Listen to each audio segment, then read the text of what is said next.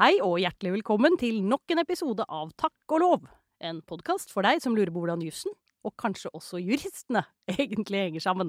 Temaet i dag er konkurranserett. Vi har et økonomisk system som bygger på fri konkurranse.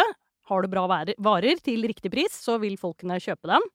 Og de som har dårligere og dyrere varer, de må enten forbedre seg, eller forbillige seg, eller gjøre et eller annet, finne på noe annet. En slags kapitalistisk darwinisme, hvis du vil. Eh, poenget er altså at vi, eh, folk flest, eller vanlige folk, eller hva det er vi heter om dagen, vi vet selv best hva vi vil ha, og hvor mye vi vil betale. Eh, og konkurranse i næringslivet, det bidrar da til at vi bruker samfunnets ressurser på en effektiv måte. Det er i hvert fall tanken bak eh, konkurransen. Så spørsmålet er, funker dette egentlig i praksis? Hvem er det som passer på at dette næringslivet ikke jukser i konkurransen? Jo, det er et tilsyn, selvfølgelig. Ikke for høy moral, men for konkurranse. Så i denne episoden så skal du blant annet få svar på hva dette konkurransetilsynet egentlig gjør for noe, og om konkurransen i dagligvaremarkedet funker, eller om vi bruker altfor mye penger på maten vår, og om fusjoner er en fin ting, eller kanskje ikke en fin ting. Det er jo bare én person vi kunne invitere til å snakke med oss om dette, og det er vår nyslåtte konkurransedirektør Tina Søreide. Velkommen hit, Tina. Takk så mye. Utrolig hyggelig at du ville være med. Du er altså fersk direktør. Eh, når var det du tiltrådte? 1. februar i år. Ik ikke sant? Du er, helt, du er, helt, fersk, og så kom du til oss nesten kanskje først. Selvfølgelig gjorde det. Fantastisk. Eh, det er en åremålsstilling, så det er seks år du har foran deg. Du eh, kommer fra Norges handelshøyskole, der hvor du har vært eh, professor. Mm -hmm. I, eh, du er egentlig økonom, men du har i tillegg hatt en stilling, en postdoc-stilling på uh, juridisk fakultet ved Universitetet i Bergen. Så du er sånn drømmekollega eh, for meg, da, fordi du er sånn jurist som kan få meg til å forstå økonomi, og det er det jo ikke alle jurister som kan. Nei. Vi får nå prøve. Vi prøver. Ja, det er veldig bra. Um, du har også jobbet uh, internasjonalt, uh, blant annet i Verdensbanken. Ja, og så vant du formidlingsprisen ved Handelshøyskolen i 2010. Nå må ikke du ikke Nei, ikke sant? Nå, heretter kan det bare gå nedover. Dette kommer til å gå bra. Vi prøver å myke opp starten her med et litt sånn uh, fun fact, språkrådstilpasset artig faktum om gjesten vår. Og da fikk vi jo mange innspill. da. Du har jo mange folk rundt deg som observerer deg og er glad i deg og syns du har mange bra sider det som gikk igjen i veldig mange av innspillene, er at du er et supermenneske i ordets aller beste forstand. Så nå ser jeg at du rødmer, så vi skal ikke gå videre på dette. Men en av de historiene du fikk, det var da du jobbet i Washington for Verdensbanken. Så hadde du besøk av en god venninne. Eh, men du var veldig travel, for du er jo sånn, du gjør jo det du skal, ikke sant? Eh, effektiv dame. Så du tok og plasserte denne venninnen på en sånn hop on, hop off turistbuss, sånn at du fikk gjort alle de tingene du skulle, selv om du hadde besøk. Er dette Kjenner du deg igjen i dette? Ingen kommentar. Ingen kommentar. Nei, det, det, er I plead the fifth, som de sier der borte. OK, vi skal snakke om eh, konkurranserett. Eh, konkurransetilsynet Jeg prøvde å lese meg ørlite grann opp, og da det, eh, hodet mitt hang seg opp i, det er jo sånn at hodet henger seg opp i de tingene man kjenner litt til fra før. Det var sånn Å ja. Det var Prisdirektoratet, ja. Eller eh, Trøstkontrollkontoret, som det het en stund. Og det var han Wilhelm Tagård eh, som husstandsmedlemmer hos meg mener er sånne politiserende embetsmenn. Um, og så var det Lex Tagor, og så var det prisreguleringslovene og, og unntakslov. Masse rart som skjedde etter krigen. Men det var ikke egentlig der vi skulle, fordi det handlet jo mye mer om regulering. Mens det dere holdt med, er mer å heie på konkurranse, eller hvordan er det blitt nå? Hva gjør dere i Konkurransetilsynet? Uh, nei, vi, du var jo veldig godt inne på det i begynnelsen her. med at vi, at vi, jobber jo med at vi skal sikre velferd i, et, i dette kapitalistiske systemet vi har. Så vi skal uh, ha en kontroll på konkurransen, sånn at vi sikrer lave priser for, for forbrukerne. Lutret kapitalkraft, liksom. Ja, vi har uh, Vi har vår, vårt mandat veldig godt beskrevet i konkurranseloven. Ja. Så det handler jo veldig mye om at vi skal eh, Altså i konkurranseloven så har vi forbudsbestemmelser med at vi, vi, det er ikke lov å misbruke dominerende stilling til å sette opp priser og sikre og se enda større markedsmakt. Og så har vi jo eh, Det er ulovlig med kartell og samarbeid eh, med samarbeid, koordinert Da fordeler man på en måte markedet mellom seg. Du selger det, og jeg selger det, og du tar den prisen, og jeg tar den Ja, prisen. altså Ordet kartell høres litt sånn mafia ut omtrent, så, så vi bruker egentlig Vi pleier også å si eh, koordinert eh, atferd og referere til det. Ja. Og, og, og da handler det om å dele marked, sette opp priser eh, koordinert, og reagere når de andre setter ned prisen. Så, så Konkurransetilsynet følger med. Eh, vi, har, eh, vi har mandat til å følge med i alle markeder. Så det, er dere er litt sånn politi, eller? Dere har noen sanksjonsmuligheter og måter å jobbe med dette på? Ja, altså vi har jo en kontrollfunksjon i Ja. samfunnet, og vi har mulighet til å gi gebyr. Eh, nå tror vi jo at eh, informasjon ut eh, har veldig mye å si. Vi, vi, vi kan eh, påvirke aktører i markedet uten at det handler om en eh, sak og bøter og sånt. Og, Ja. og vi har mye kommunikasjon med markedet som ikke er kjent som Fordi det fører ikke til vedtak, ikke sant? Um, nei, så, så det handler om å overvåke markeder, og vi tar for mange tips. Ja. Vi har også fusjonskontroll, Ja. og det handler om og Det kaller vi ofte for førstelinjeforsvaret. Ja. Eh, for å sikre konkurransen. Og det er da før fusjonen finner sted, eller er det underveis, eller når er det? Nei, det er jo at, eh, at aktører har meldeplikt til Konkurransetilsynet, og at vi kan må godkjenne eller, eller eh, ikke en, en fusjon. Nei, så, ellers så er det jo i Konkurransetilsynet så jobber det eh, både mange jurister og økonomer. Mm. I Norge så har vi veldig godt samarbeid mellom jurister og økonomer innenfor konkurransereguleringen. Eh, vi har rundt 115 ansatte, og Ja. vi er lokalisert i Bergen. Det er, Eh, og det er jo verdens egentlige navle, har alle mine bergenske kolleger fortalt meg, iallfall. Ja, så fint at du har skjønt det. Ja. Men um, da jeg jobbet som advokat eh, i gamle dager, så var det noe som het Dawn Rides. Da var det alle mann til pumpene og noe som måtte skje. Hva er det for noe? Det handler vel egentlig om bevissikring. Ja. Så, så det har vi, eh, vi har mulighet til å, å gå på uanmeldte besøk for å sikre bevis. Og det høres jo dramatisk ut, men, men terskelen juridisk for å gjøre det er faktisk ganske lav. Ja. Så, så vi, må, vi må Det er nok at det er indikasjoner på ulovligheter i markedet. Da har vi muligheten til å gjøre det. Men samtidig, sånn som det ordet du sier antydet, så er det jo et veldig kraftig virkemiddel. Ja, Det er sånn noen kommer og banker på døra før du har stått opp om morgenen, og det er bare helt krise, liksom. Ja. Ja. Og, og, men du kan jo tenke deg at hvis man har eh, ulovlig samarbeid mellom flere aktører, så er det veldig viktig å sikre bevis, ikke sant? Så da må vi, må vi kunne ha sånn mulighet eh, for uanmeldte besøk. Ja, ja, På samme måte som politiet på ferske spor, liksom. Og Ja. sikre, ja, ja. Ja, og vi kan gjøre det. Det ligner egentlig på de eh, eh, uanmeldte besøkene som politiet kan gjøre, og noen ganger får vi hjelp av politiet. Men det er ikke et mål for oss å, å, å å skremme folk. ha sånne tiltak. Sånn at vi eh, Det handler jo egentlig bare om akkurat de situasjonene der vi ser at det er helt nødvendig for Ja. å sikre bevis. Så ellers så har vi jo mulighet til å eh, hente inn eh, eh, dokumentasjon på andre måter. Vi kan pålegge aktører å gi oss informasjon. Ja, Mm. akkurat. Og um, du snakket så vidt om sanksjonsmuligheter i sted, gebyrer og sånn, men er det hvilken størrelsesorden er det? Hvor, hvor kraftige virkemidler er det dere har? Jeg, jeg skjønner at, og det er jo bra det du sier, du fokuserer egentlig på, om ikke gulrot, så iallfall informasjon. Eh, Men dere har jo noe ris bak speilet, og hva er det?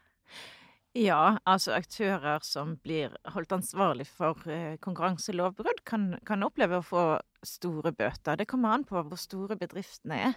Så, så det kommer an på omsetningen til aktørene, hvor grovt eh, det er, og hvor lang varighet eh, det ulovlige har. Ja, for det er sånn jeg husker sånn vagt Mm. fra strafferetten selv at eh, eh, når man tenker på straff, straffens effekt, så var det egentlig på det økonomiske området at man kunne ha ganske høye straffer, for der var det sånn kost-nytte-betraktning.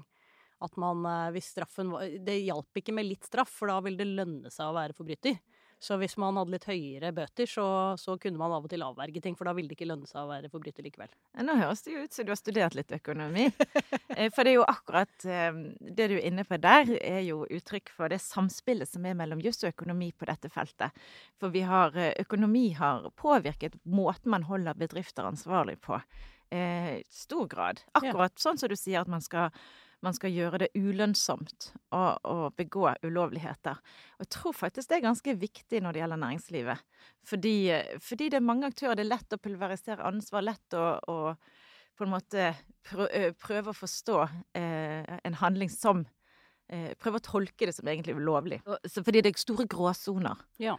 Um, men, uh, men de bøtene vi har, de kan komme opp i eh, oppimot en milliard og den slags, altså. Så det er ganske okay. store beløp sammenlignet med Det hørtes litt med, mer ut enn en brutto månedslønn for de fleste av oss, ja.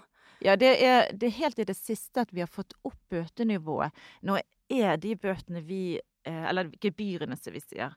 Eh, de er de er helt på linje, eller Måten vi regner det ut på, er helt på linje med det som er EU-praksis. Ja, ja, for uh, du sier EU-retten, ja. For der var det jo noe med fri konkurranse. Det husker jeg fra en eller annen episode at det var et slags poeng. Eh, hvordan er den sammenhengen mellom måten man tenker sanksjonsmessig nasjonalt og, og i EU på dette punktet? gjennom samarbeidet vi har i Europa mellom konkurransemyndigheter og EU, så, så har vi nå prinsipper for hvordan sanksjoner skal utmåles, men i praksis så, så, skjer det veldig forskjellig på de nasjonale nivåene. Så i Norge, jeg tror i Norden, så har nok Norge vært, vært det landet som har fått opp bøtene mest. Så det er litt ulike institusjonelle forhold som, som, tilsier at vi får det til. Ja. Um, så vi har jobbet med å få det opp på et nivå som samsvarer med det som er hensikten i EU-reglene, uh, og i samsvar med det som er økonomiske økonomiske teorier om hva som vil ha best mulig effekt. Ja, nettopp. Så det, er, det var noe ordentlig jeg husket fra den strafferetten. Jeg er glad for. Ja. Men, men, eh, men, Tina, vi må snakke litt om, eh, om mat. Ja. det er snart lunsj. Nei. Men vi har dagligvarer. Det er jo Alt blir dyrere om dagen. Det er strøm og, og, og gass og bensin og det meste. Men, men også mat. Mm. Hvorfor eh, blir det det? Det har vært mye om dette i media. Hvorfor blir maten vår dyrere? Er, dette noe dere kommer til å ordne med? Ja, det er klart. Du kan stole på Konkurransetilsynet. Ja, det er veldig bra. Jeg liker dette. Um, Nei, altså dagligvare er en så stor sektor at er vi, veldig, vi, er veldig opptatt av dagligvaresektoren. Og prisene i Norge er høyere enn i andre europeiske land. Hvorfor det? Det er jo så, er det sånne kjeder også, men de er jo på Det er mange kjeder, og de er på hvert eneste gatehjørne, og det er veldig høy leie. Jeg skjønner ikke hvordan det går opp, jeg. Ikke sant? Nei, så vi, så vi har jobba mye med dagligvaresektoren og matpriser, og, og vi kan i grunnen tenke oss at det er tre kategorier av forklaringer på hvorfor vi har høye priser. Ja, bra. Ja, og den ene det går jo på det med rammevilkår for, for dagligvaresalg i Norge, ikke sant. Det er Vi har en geografi som er litt annerledes enn mange andre land, med små steder som kanskje ikke skal ha de største butikkene, men små butikker på hvert hjørne, som du ja, ja. sier, og over hele landet med med få folk spredt, ikke sant? Altså mange, at vi bor litt spredt. Eh, og så har vi et importvern fordi vi har en jordbrukspolitikk som ja. gjør at vi skal, vi skal sikre landbruket. Og, og, det påvirker også prisene det, på en del matvarer. Ta meg gjennom dette en gang til. For landbruket det er på en måte en slags skjermet sektor i forhold til den frie konkurransen som ellers gjelder i EU-EØS-området? Ja, vi ja. har en egen politikk på dette her for å sikre det norske ja. landbruket, selv om vi er så langt mot nord, ikke sant. Så det er den første kategorien, så det går på rammevilkår for sektoren. Og så har vi dette med at vi har hatt en pandemi nå. Ja. Eh, og det påvirker transport over hele verden. Vi har eh, krig i Ukraina. Og, og, sånne typer sjokk påvirker prisene akkurat nå. Og det gjør nok at vi har veldig mye oppmerksomhet rundt priser nå. Er det etterspørselen blir større enn tilbudet, for det blir krongel på linja i, i transporten, liksom? Eller? Ja, det er masse forsinkelser. Så ja. det, går, det, går, det, påvirker priser i, i, på, i, alle mulige sektorer og på rare vis. Ja. Så, så, så, det gjør at, at veldig mye blir dyrere akkurat nå. Men så har vi da den tredje kategorien som går på konkurranseforhold. Og det er den Der kan dere gjøre noe. Der kan vi gjøre noe, men det, ene, det, det, er ikke hele bildet. Så selv om vi gjør så godt vi kan, så vil nok ikke det løse hele problemet med høye priser, av de andre faktorene, da. Men, men ok, bare uh, helt kort, hvordan er det det uh, Det er noen veldig store aktører i dagligvaremarkedet. Mm. Er det det som gjør at uh, det er vanskelig å få til god konkurranse, eller? Eh, ja, det er, et, det er høy markedskonsentrasjon ja. i dette markedet. Så det gjør at det er få aktører, og det er eh, både på leverandørsiden og på, blant kjedene, ikke sant. Eh, og noe av det som har vært mye media i det siste, er dette med prisforskjeller mellom at, at dagligvarekjedene får kjøpe varer til må kjøpe til ulik pris, fordi det er noen som kanskje er bedre å forhandle eller har bedre priser. Ja. Så det er noe av det som får mye oppmerksomhet i media akkurat nå. Hvor store de prisforskjellene er, er litt uklart, og hvilken effekt det har for forbrukerne også litt uklart. Men, men, det er noe som er mye oppmerksomhet rundt dette nå, og vi jobber mye med hva kan vi gjøre med det. For vi i Konkurransetilsynet, vi, vi ønsker egentlig ikke å, å å si at man må ha faste priser eller begrense begrense eh, forhandlingsmulighetene nei, nei, for dere vil jo at det skal være en konkurranse egentlig som fungerer. Ja, vi kan, vi kan ikke forbedre markedene ved å dempe konkurranse etter vårt syn. Nei, for da er vi tilbake til litt sånn mer Tagård-måte å tenke på, er vi ikke det? jo, det, det, er riktig at det, det, da er vi litt tilbake til start. Men, men, men samtidig så, så er, det veldig viktig å sikre konkurransen i dette markedet. Og da er jo nyetableringer veldig viktig. Men nå ser vi at det kommer eh, noen nye, sånn som Oda eksempel, som har fått etablert seg, og flere andre som, som kan etablere seg. Så, men, men uh, i tillegg til at vi må sikre konkurransen og, og kontrollere at det ikke er koordinert pris, prising, så, så, så, må vi også jobbe med å få ned etableringshindringene og gjøre Ja. det lett for nye å komme til. Ja. Det, der er vi inne i litt politikk, hører jeg. Ja. Men hvordan er det mm, Prisjegere har jeg lest om. Hva er det for noe? Ja, dette her handler om en bestemt sak som vi har nå. Vi har varslet et, en, en veldig stor bot til tre aktører i, i dagligvaremarkedet. Og det handler om, at, eh, om et samarbeid som, der, der de har brukt det som kaller prisjegere. Egentlig ansatte som får sjekke priser i de andre butikkene. Å ja, nå, de, nå har de den eh, prisen der, så nå burde vi justere oss ned, fordi ellers så får ikke vi solgt. Ja, ja, og det kan man jo si kan ha er flere det- virkninger. Ja, Er ikke det liksom sånn markedet skulle fungere, da? Det er sånn oi, vi må, vi må ta ned prisen vår, for ellers så gidder de ikke å kjøpe hos oss. Ja, ikke sant. Eh, Så, så det er jo en sak som pågår akkurat nå. Eh, Så den, der, er det, der har vi hatt, fått svar fra aktørene i markedet, og så skal vi nå vurdere de grundig før vi går videre i den saken. Men, men de heter prisjegere. Eh, Er det bare min litt uh, tegneseriepregede hjerne som tenker sånn Er de en slags spioner? som går rundt og finner ut hva de andre Ja, jeg tror jeg skal være forsiktig Ja, du må ikke si noe om det, men du kan bare si Nå er, nå er tegneseriehjernen din på, helt på jordet, kjære ja. OK. Um, du uh, snakket uh, litt i sted om en slags førstelinjemåte å nærme seg eh, konkurransevridninger eller utsettelse eller hva skal vi si, utfordringer på, og det var fusjonskontroll. ja. Eh, kan du eh, forklare Altså, fusjoner, det er jo en slags ekteskap, eh, kan man si. eller en sammenføyning av, av to aktører, eller flere. Og da blir de, den aktøren som, som blir igjen, den blir større. Og kanskje er det sånn at de store spiser opp de små. Er det, er det bra med fusjon for konkurransen? Er det, det er jo veldig dårlig hvis det bare blir én, for da blir det en slags monopolsituasjon. Ja, Ja. det gjør det. Hvis man har fire aktører i et marked, og det blir tre, Ja. så vil det bli lettere for de å sette opp prisene. Og, og da, altså da vil de kunne, Hvis de har markedsmakt, så vil de kunne sette priser lik konsumentene sin betalingsvilje, eller evne for den saks skyld. Eh, mens vi vil jo presse ned prisene med, Hvis det er mye konkurranse, så får man prisene presset ned til en grensekostnad av produksjon. Nå, nå kjente jeg at det var veldig mye økonomi jeg egentlig ikke kunne, og som jeg ikke okay. husket fra videregående. Hvordan er det? Er det alltid sånn at hvis det er flere markedsaktører, så blir konkurransen bedre? Og mer effektivt? Ja, Ja, okay. normalt. Det kan du ta som et utgangspunkt. Det er bra. Ja. Dere, det, det er fint. Det, det er økonomer, og så er det vi jurister. Vi legger ting til grunn. Sånn er Ok, denne modellen får følge med. Ja, okay, så, så vi ønsker egentlig å sikre at det er nok aktører til at det kan være en reell konkurranse i markedet. Ja. Og så må vi passe på at det ikke er koordinert prisatferd. Men, men så sant det ikke er det, så er det god grunn til å tro at det er, vil være konkurranse som vil presse ned prisene for forbrukere. Ja. Og det er det som er viktig. Um, og dermed så må vi ha en aktiv fusjonskontroll.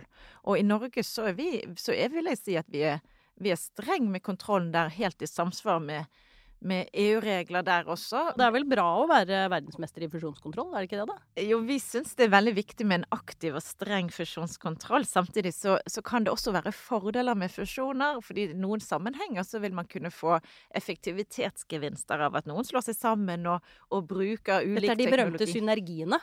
Som, som mange snakker om, og som ikke alltid utløses, har jeg mitt inntrykk, i sånne fusjoner. Ja. Ja, så i Norge så har vi meldeplikt for for, en del fusjoner når det er store aktører og, og det er noen terskelverdier. ikke sant? At, det, at, at, er de store og det er risiko for at de får for stor markedsmakt, så har de meldeplikt til Konkurransetilsynet, og de må få tillatelse for å ja. fusjonere. Og i de aller fleste sakene så får de det, faktisk. Så vi er jo ikke så strenge at vi setter foten ned for alt mulig. Det er jo grunn eh, det, vi, vi, gir tilbakemelding stort sett innen 25 dager, så det er ganske effektivt. Ja. Og, og, vi eh, klarerer 95% av tilfellene uten, uten noen form for, uh, for uh, grundigere analyse.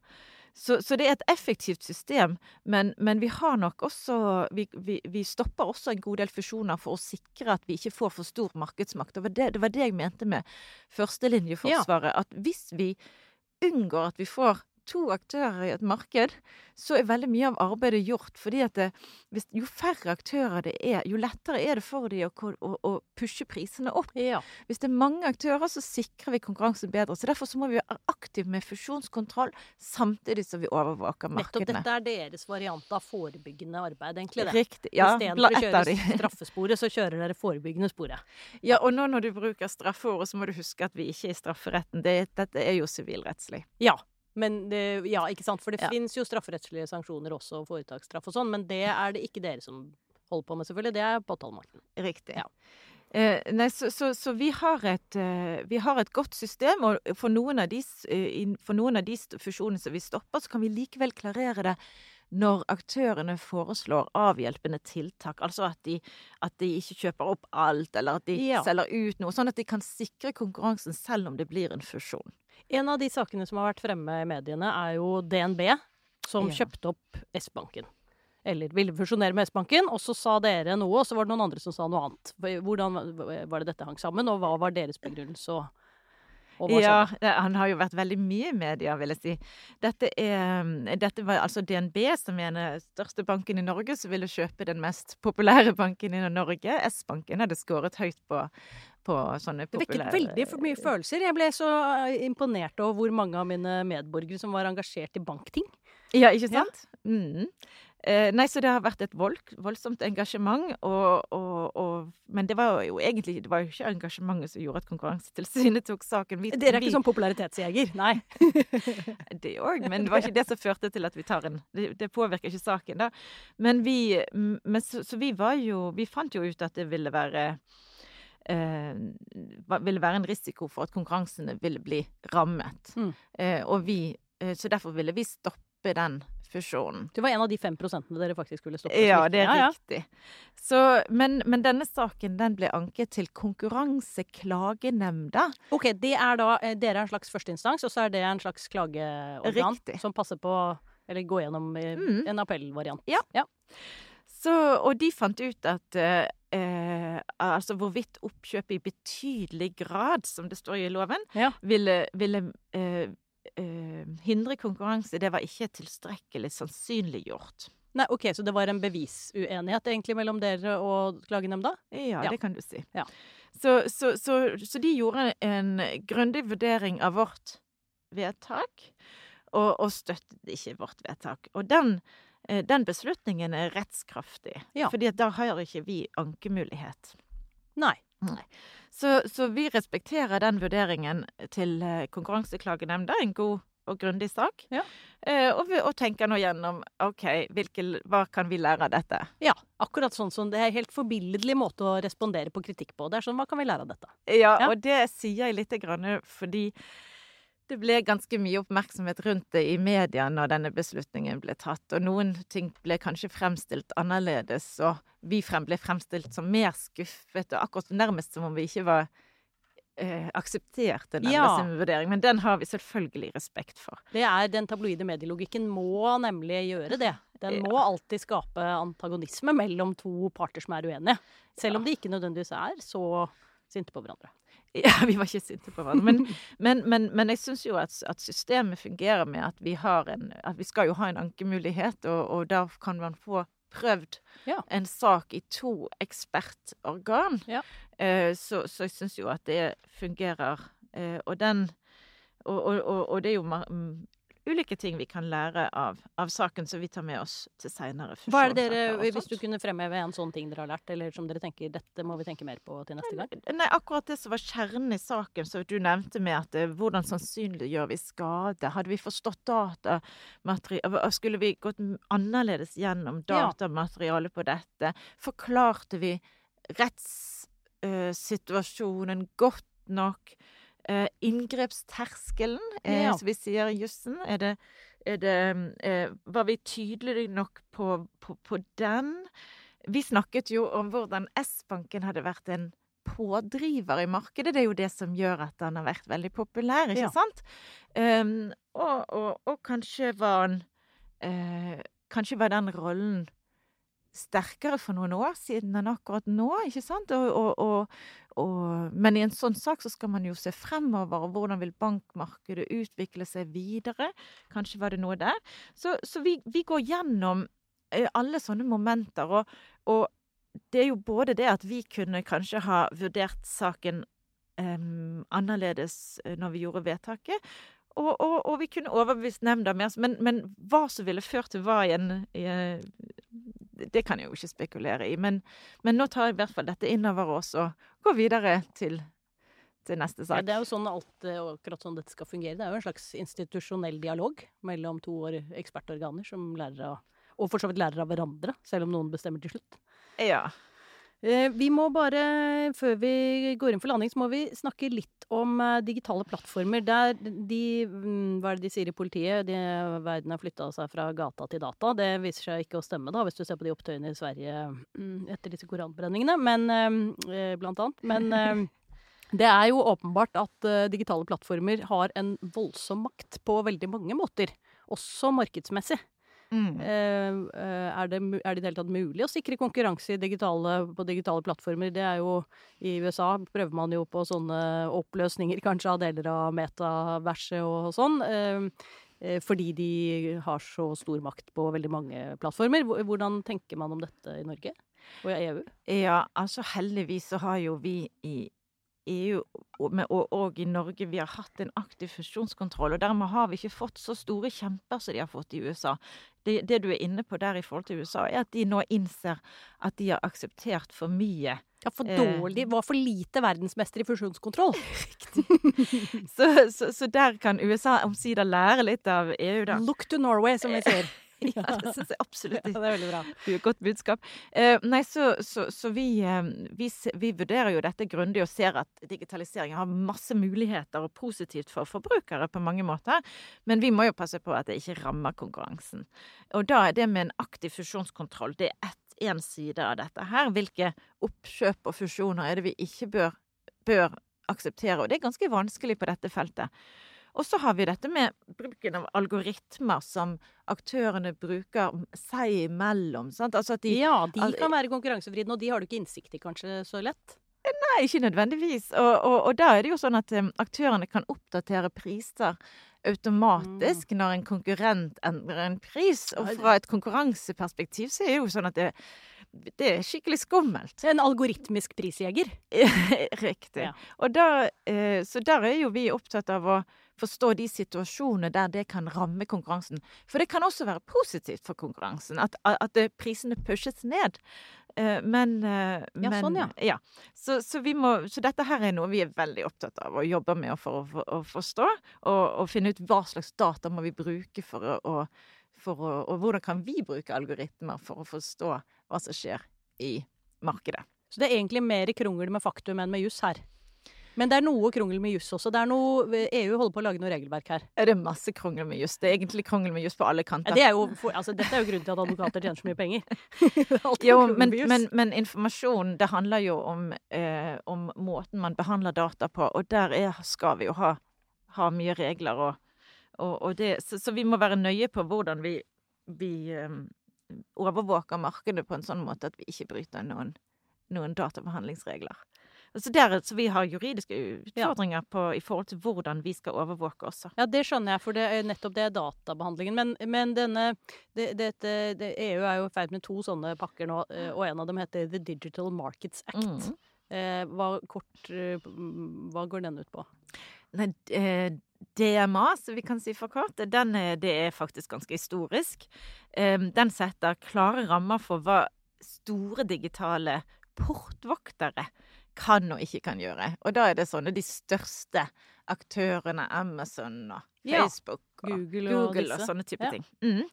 Eh, så så eh, det skal være grenser for hvilken informasjon de kan bruke f.eks. fra i én sektor og ta med seg til en annen sektor. Eh, og, og, og den loven skal også sikre konkurransen mellom disse aktørene, men også sikre at det er konkurranse mellom eh, blant brukerne, som, de som er avhengig av de digitale plat plattformene i sitt Ja. arbeid. Så, så, så dette betyr veldig mye. Eh, men vi har ikke så store portvokterselskaper i Norge. Nei. Så Så- dette er egentlig noe som skjer der ute litt mer. Jo, men Ja. det påvirker oss, det er veldig viktig for vår del. Og det, det, jeg syns dette er et veldig godt eksempel på denne overnasjonale reguleringen som er nødvendig når vi får så store internasjonale selskaper. Disse selskapene jo, har jo større omsetning enn enn store europeiske land. sant? Ja. Så de, så de er jo eh, De er blitt så, så, så store og sterke, og da trenger vi å ha, å, å ha veldig tett samarbeid mellom myndigheter. Så i, i håndhevingen av denne nye loven, DMA, så vil det også være tett samarbeid mellom EU og nasjonale nasjonale, ja, myndigheter, ja. inkludert Norge. Ja, ja, Ja. nettopp. Men Tina, vi må eh, nærme oss landing. Du er jo relativt eh, fersk i stolen, og det er ufattelig mye du har oversikt over allerede. Jeg eh, ser, du, du kom hit sånn helt eh, forberedt i tennene med en stor notatblokk full av masse intelligente ting. Og mye har du klart å tømme ut her allerede. Men hvis du ser nå, ut fra det du overskuer så langt, hva er det du tenker øh, øh, eh, utover det vi har snakket om nå, hvor går veien for Konkurransetilsynet fremover? Hva er det som, eh, som står på tapetet? Nei, altså, Konkurransetilsynet i Norge er allerede eh, ganske velfungerende. Eh, Vi har hatt veldig flinke ledere, og folk i tilsynet er kjempeflinke. Så, så, så jeg har av og til sagt at dette er som å hoppe på et tog i fart. Og selv om jeg er konduktør, så er det begrenset hvor mye jeg kan påvirke retningen, da. Men, men, men vi ser jo uh, dette som vi har vært inne på med dagligvare, digitale markeder, bruken av data, algoritmer osv. Det er vi veldig opptatt av. Mm. Så, så vi har um, vi har faktisk akkurat jobbet med en ny strategi, og, og en, et punkt i den er også at vi vil ta inn over oss betydningen av bærekraft, og, og hvordan vi skal hvordan kan vi bruke konkurransepolitikken til å sikre bærekraftig utvikling? Da tenker vi først og fremst på håndheving, at vi, at vi er aktivt på sånn at vi får innovative løsninger. Ja, litt sånn taksonomien-tilknytning, liksom? Ja, altså, vi må, vi, må, vi må ha en konkurranse som sikrer god priskvalitet på, på løsninger som er bærekraftvennlige, ikke sant? Ja. Mens fra EU-perspektiv og internasjonalt så er det også veldig mye oppmerksomhet rundt det at konkurranseloven ikke må stå i veien. Oh ja, for gode og grønne For gode løsninger. samarbeid, ikke sant? Ja. Så, der, så, så der har vi også en rolle for å si når er det bedriftene kan samarbeide på en måte som ikke er i strid med konkurranseloven. Så dette er et tema som er veldig aktuelt Ja. også. Du, eh, vi nevnte jo innledningsvis eh, din eh, gode håndtering av din gode venninne i Washington på den bussen. Men du har vært mye ute og reist. Vi pleier å invitere gjesten vår til å avrunde med en liten anekdote. Noe vi burde ha hørt. Hva burde vi ha hørt? Oi. vi, altså I forhold til dette med konkurranse og utvikling av konkurransetilsyn, det er noe jeg har vært veldig opptatt av. Jeg har jobbet i mange afrikanske land, eh, og da har jeg av og til prøvd å besøke konkurransetilsyn. Og, og det å oppleve denne situasjonen for unge, ferske konkurransetilsyn i et, i et mye fattigere land enn vårt, det har vært, det har vært interessant. Ja. Um, og for eksempel i, i Tanzania så, så, så tenkte jeg kanskje at dette med politiske bindinger og sånt var det store problemet. Men, men der, eh, der kunne de ikke gjøre sånne downrides som du nevnte. De kunne ikke komme på uanmeldte besøk og sikre bevis, fordi de ble angrepet av ansatte. Og det var iscenesatt av fagforeninger. Fordi de sku, fagforeningene skulle ikke ha noe av at konkurransen ble hemmet, sånn at bedriften deres fikk mindre profitt. Så de var de. Så Konkurransetilsynet var en konkurransehindring, på en måte? Ja. Sånn at de, de, så på Konkurransetilsynet, dette nye, ferske tilsynet som skulle redusere markedsmakt, som en trussel mot lønningene deres og, og, sånt. Og det var For min del, så Vi kommer, kommer fra Norge og, og, vårt system, så det kom jeg, jo, jeg kom ikke på at det kunne være en greie engang. så det var veldig interessant. Og, og, tilsvarende når jeg kom til Zambia, så jobbet de veldig mye med De jobbet veldig mye med å, å forstå de høye prisene infrastruktur, innenfor infrastruktur og byggesektor og så, og så. Og, og, og, og, da fikk jeg forklaring etter deres analyse, så fant jeg ut at grunnen til at veiene i Zambia var fire ganger høyere enn nabolandet, det, det måtte være fordi det var landlocked. Altså det var Det var, hadde ikke kystlinje. Og det òg var en sånn ting der de forklarte at de gjorde så godt de kunne, men når Zambia var landlocked, så, så kunne da, de ikke pushe ned prisene. For det var mye dyrere å, å, frakte varene inn til å bygge de veiene? Var det det? Ja, det var jo det som var ideen, men jeg mistenker at det var litt andre forklaringer der også. Så, så, så, det bare Du ser hvor naiv jeg er. Jeg, jeg kjøpte den umiddelbart. Ja. ja. Nei, så det bare illustrerer dette med sånne Den situasjonen unge konkurransetilsyn kan være i, og så vi, så vi tar for gitt, for vi har hatt dette systemet lenge ja, har du hørt, da er det bedre med vårt konkurransetilsyn. Som, selv om det er å hoppe på et tog, så er det i hvert fall ikke å hoppe på buss for tog. Det går på skinner. det, går, det, går, rimelig godt på skinner. Ja, det er veldig bra. Ja. Tusen takk skal du ha, Tina. Dette har vært uh, en mind-boggling utvidelse av min uh, kunnskap om uh, konkurranserett og Konkurransetilsynet, ikke minst. Jeg må bare ønske deg lykke til videre. Ja, det kan jeg trenge. takk skal du ha. Det tror jeg du kommer til å ordne helt fint. Det var veldig hyggelig at du kom i studio. og så må jeg bare si tusen takk til dere lyttere for at dere ville være med oss også. og hjertelig velkommen tilbake neste uke til nok en episode av Takk og lov. Da er det tid for litt reklame. Eh, du kan f.eks. lese Universitetsforlagets fagbøker i konkurranserett digitalt på juridika.no. Eller du kan ta med deg alle bindene av norsk konkurranserett av Anders Dysdal, Håkon Størdal, Olav Kolstad, Hans Petter Graver og Erling Hjelmeng. Du kan ta med deg dem på PC eller mobil, eller hvor du vil, når du vil. Og i tillegg så kan du få med deg den årlige konkurranserettsdagen 15. og 16. september 2022, hvor bl.a. dagens gjest Tina Søreide vil snakke om konkurransepolitiske utfordringer og myndighetenes prioriteringer. I Juristenes utdanningssenters digitale abonnement Justdigital så finner du også tilgang til e-kurset Innføring i konkurranserett, og masse etterutdanningstimer som du kan plukke og mikse når du trenger påfyll og har anledning.